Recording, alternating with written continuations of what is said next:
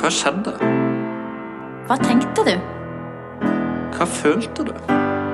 Hvem andre er blitt berørt? Hva har vært det verste for deg? Hva trenger du å gjøre nå? Dette er spørsmålene som stilles i det vi kaller gjenopprettende prosess. Jeg heter Gro Jørgensen og er informasjonssjef for konfliktrådene i Norge. I Konfliktrådspodden forteller vi deg om det som skjer i meklingsrommet. Ansikt til ansikt møtes de som har noe uoppgjort seg imellom. Hytta, enten den ligger i skogen, på fjellet eller ved sjøen, så er eh, ordet forbundet med idyll. Gode dager, avslapning, rekreasjon, late dager og bare hygge. Eller Eh, hyttekonflikta startet jo med at vi kjøpte hytta. Eh, vi kjøpte hytte som eh, hadde blitt eid av en eldre kar som hadde nesten ikke brukt den. Og når vi kjøpte hytta da med familie og små barn og hund, så var nok ikke den ene naboen klar over hva han fikk til naboer, for å si det sånn. Det ble uvant for han. Stor forskjell på å ha en bråkete familie og ha en enslig eldre kar siden av seg. Og da starta hyttekonflikta med at han eh, da eh, nekta oss å gå over sin egen eiendom eh, eller langs vannet. Han hadde en sti over vår tomt som han hadde hevd på og, og brukte. Og vi lå lavt i mange år, helt til det da kom en anmodning fra ham om at vi skulle oppgi når vi skulle bruke hytta i løpet av året. Fordi da hadde han selv blitt pensjonist, og han ville da ha en oversikt over når vi var der. For da kunne han tilpasse seg uh, å være der når ikke vi var der. Det går utover trivselen uh, fordi at uh, det ligger der liksom som en sånn usikkerhet hele tida. Hva er det neste trekket han vil gjøre? Hva, hva er det han finner på? Hva er det han irriterer seg over? Og så er vi litt sånn Når vi skal opp der i helg og slappe av og er liksom fristedet vårt, så blir det et, et, stressmoment når vi ser at han er der samtidig. Nei, jeg blir uh, usikker, jeg blir lei meg. Jeg blir litt sånn nervøs, i, som jeg sa tidligere, for hvordan han reagerer. Hva, hva, har han gjort nå mens vi ikke har vært der? Hva kommer han til å gjøre? og det er ubehagelig å møte han. Og det gjør at uh, de helgene hvor han er der og vi er der, så blir det redusert uh, hva skal jeg si, trivsel på det stedet vi egentlig skal kose oss. Og da er temaet satt for denne utgaven av Konfliktrådspodden. Hytteidyllen kan bli kraftig forstyrret av at du har en konflikt, en krangel, en uenighet med hyttenaboen eller med andre på hyttefeltet. Ane Katrine Trageton, du er rådgiver ved Konfliktrådet Innlandet, og en av dem som publikum møter dersom de ringer Konfliktrådet med en konflikt som har eh, oppstått på eh, hytta. Hva slags konflikter eller krangler er det vi snakker om? Nei, det er et stort spenn i hva man krangler om, eller hva slags konflikter man opplever å ha. Eh, det kan være alt fra de helt store tingene som berører mange, som eh, kanskje i gamle hyttefelt hvor det er uenighet om man skal bygge ut med strøm og legge inn vann. Eh, det kan være i de store Vi har jo mange hyttefelt eller leilighetskomplekser nå, fått i disse feriestedene. Så det kan jo være uenigheter rundt bruk av fellesarealer eh, og snømåking og parkering der. Men det kan også være det som vi kjenner som de tradisjonelle nabokonfliktene i konfliktrådet, som eh, trær som er til sjenanse, eller støy fra hunder, eller musikk og fest. Eller lukt og gjerder som ikke står riktig, eller andre ting. Eh, det er et stort spenn i hva man kan krangle om på hytta. Og så er det mange som arver en hytte, og da kan det være flere søsken eller flere eiere. Det kan vel være en kime til konflikt, når flere skal bestemme? Ja, og det ser vi også, og det har vi òg flere saker på. Eh, hvor eh, noen har arva kanskje barndomshjemmet og vil bruke det som en hytte. Eh, og hvor de da kan ha litt ulike oppfatninger om hva som skal gjøres. Noen vil kanskje at det skal bevares som det alltid har vært, mens andre har behov for moderniseringer. Det kan være stor uenighet om vedlikeholdsutgiftene, eh, hvor mye man skal betale inn hver seg, eller hvor mye tid man skal bruke på vedlikehold. I tillegg så er det også mye konflikt rundt eh, hvor mye man får bruke hytta. En rettferdig fordeling av eh, ferie, og hvem skal få være der i jula, og hvem skal få være der i påsken. og de mest populære eh, ferietidene. Da. Og det kan gå så langt at ingen bruker hytta eller barndomshjemmet, og ingen får glede av det.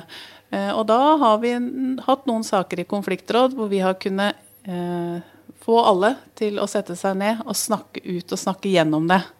Eh, og da har det i noen tilfeller løst seg, sånn at de kommer et skritt videre mot den drømmen om å ha et hyttested, kanskje der du har vokst opp. I en eh, konflikt jeg kjenner til, så var det, var det veldig steile fronter på at noen skulle være som det alltid hadde vært. Eh, og da opplevde bl.a. at den ene eh, søskenen da, hadde planta blomster i barndomshjemmet langs en vegg på et av uthusene. Og var veldig fornøyd med det for å oppleve at eh, broren kommer helgen etter og river det opp igjen. For det var ikke avtalt at det skulle være sånn, og sånn hadde det ikke vært før. Og det var ikke de blomstene i så fall som skulle være der.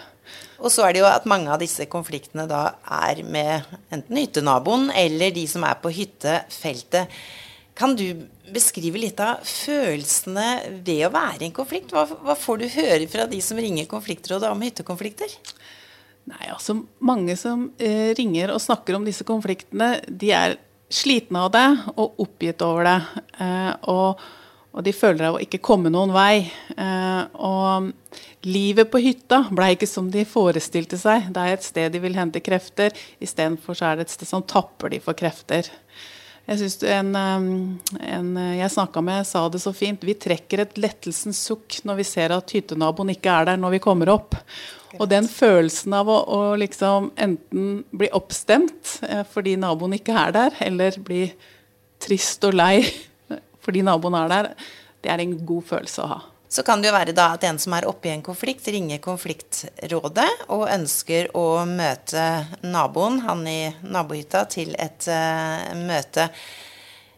Når du ringer naboen, hvilke argumenter brukes du for at eh, den andre skal eh, si ja til å møte i konfliktrådet? Ja.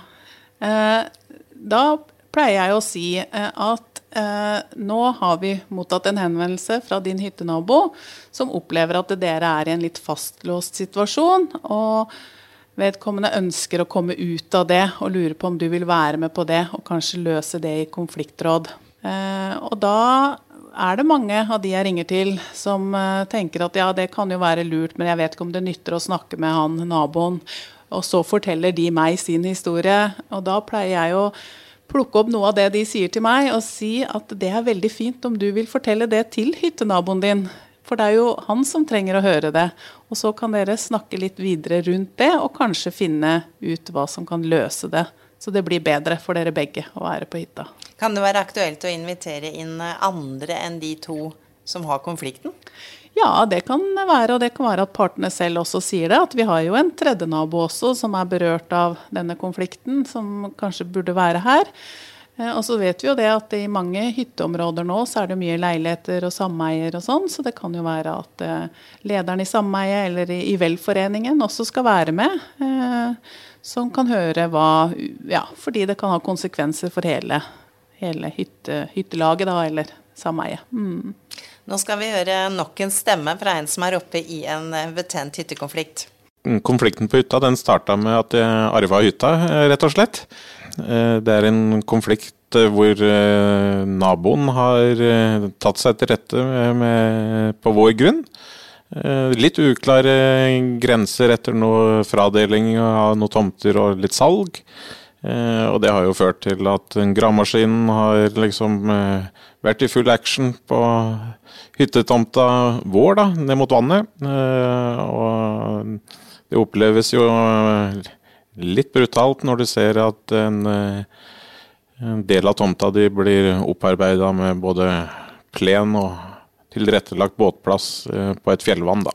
Det går utover trivselen fordi det også ha en sånn stemning, kall det det, på hytta, hvor du går og skuler eh, litt på hverandre og egentlig aldri greier å komme i en god dialog. Eh, bare at man opplever at eh, naboen tar 50 cm hvert år, det gjør for vår del at vi de siste årene har valgt å leie ut hytta. Eh, nei, jeg blir jo veldig sliten og oppgitt, det, og til slutt så går det jo i tanken om du skal bare selge hele hytta. Ja, da fikk vi nok et innblikk i hvordan det er å stå i en uh, konflikt på hytta. Men for dem som ikke er en del av konflikten, da, så kan jo krangel med hyttenaboen være lett å le litt av, fleipe litt med, men det er jo ganske alvorlig for dem det gjelder. Jeg tror at de som er i en konflikt, eh, om det er hjemme eller om det er på hytta, så er det på en måte hjemmet ditt. Eh, og det, det berører jo ditt privatliv, og det gjør det hele tiden.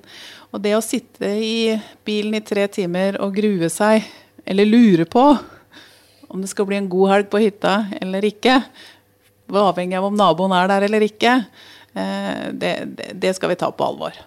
Og hvis man da i tillegg kan få snakke ut om det, og unngå det, så er jo det veldig bra. Er det det som er rådet fra deg, hvis du som hyttenabo begynner å irritere deg litt? Hva skal du gjøre da? Jeg tenker, Bli litt kjent med naboen din. Det er ikke sikkert du kjenner den så godt. Det kan ha vært skifte, det kan være ja, ulike ting. Eh, og prøv å snakke om det fra ditt ståsted. Eh, si det. Ta Inviter ham på kaffe kanskje og vis at dette treet her skygger for, eller for min plass hvor jeg slapper av. Eller når du setter bålpanna di der og fyrer opp, så blåser det rett i ansiktet på oss på vår solplass. Eh, er det en annen sted du kan sette det, eller, eller kan Ja, man kan liksom løse opp i de tingene der. Og så har vi jo hatt uh, opplevelser hvor uh, for, Eller noen har hatt med barnebarna på hytta som har blitt skremt av naboens bikkje, som kanskje ikke er til sjenanse for uh, hytteeieren som sådan, men av hensyn til barnebarna så vil du gjerne ta opp det. Så kan man jo gjøre noe i forhold til det. Uh, før det går for langt, og før man er for irritert. Og henvendelsen kanskje blir litt for brysk når man tar den. Mm. Ja, for Hvis du løser eh, det ene problemet, da, eller konfliktet i et meklingsmøte, så hender det vel også at partene blir enige om hvordan de skal håndtere framtidige konflikter? Ja, da tror jeg kanskje de har fått en god opplevelse av hvordan man kan snakke ut. Eh, og kanskje også fått en eh, opplevelse at det beror på misforståelser noen ganger, og ikke vond vilje. Eh, og det kan jo være en nyttig erfaring å ha med seg uansett. Mm. Men et, et, meklingsmøte hvor de ikke blir enige om en avtale, det skrives jo gjerne en avtale i konfliktrådet, men hvis de velger å ikke gjøre det, mm. er meklingsmøtet bortkasta da? Nei, jeg tror ikke de opplever det. Eh, jeg tror det at å ha en mulighet til å sitte sammen på et nøytralt sted, eh, og, en som styrer litt, eh, at alle får sagt det de vil si, og samtidig passe på at man lytter når man ikke snakker, det er en god øvelse for, for alle. Og meklingsmøte, det er det mulig å få i hyttekommunen? Ja, det er veldig viktig å få fram. Fordi mange, har jo, mange hyttenaboer bor jo på helt forskjellige steder i landet.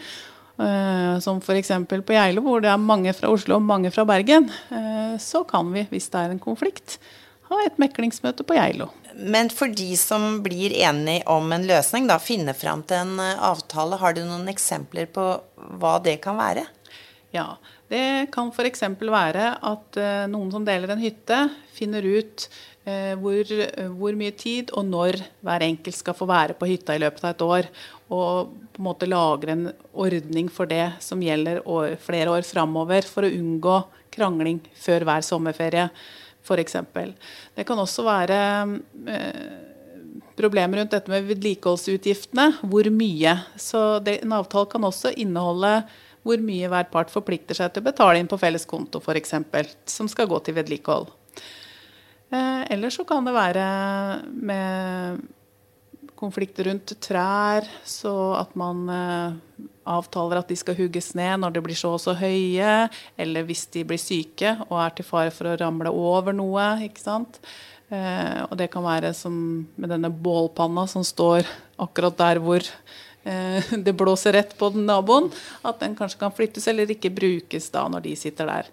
Så en avtale kan inneholde veldig mye forskjellig, eh, men den skal inneholde det som er viktig for partene å få med i en avtale. Mm. La oss håpe at det blir en eh, fredelig og hyggelig hytteferie for de som er så heldige å ha en hytte. Takk til deg, Anne Katrine Trageton, som er en av de mange som kan tilrettelegge for møter dersom du har en konflikt med din hyttenabo. Hør også om andre typer saker i Konfliktrådspodden, og om resultatet av at de som har noe uoppgjort, møtes ansikt til ansikt.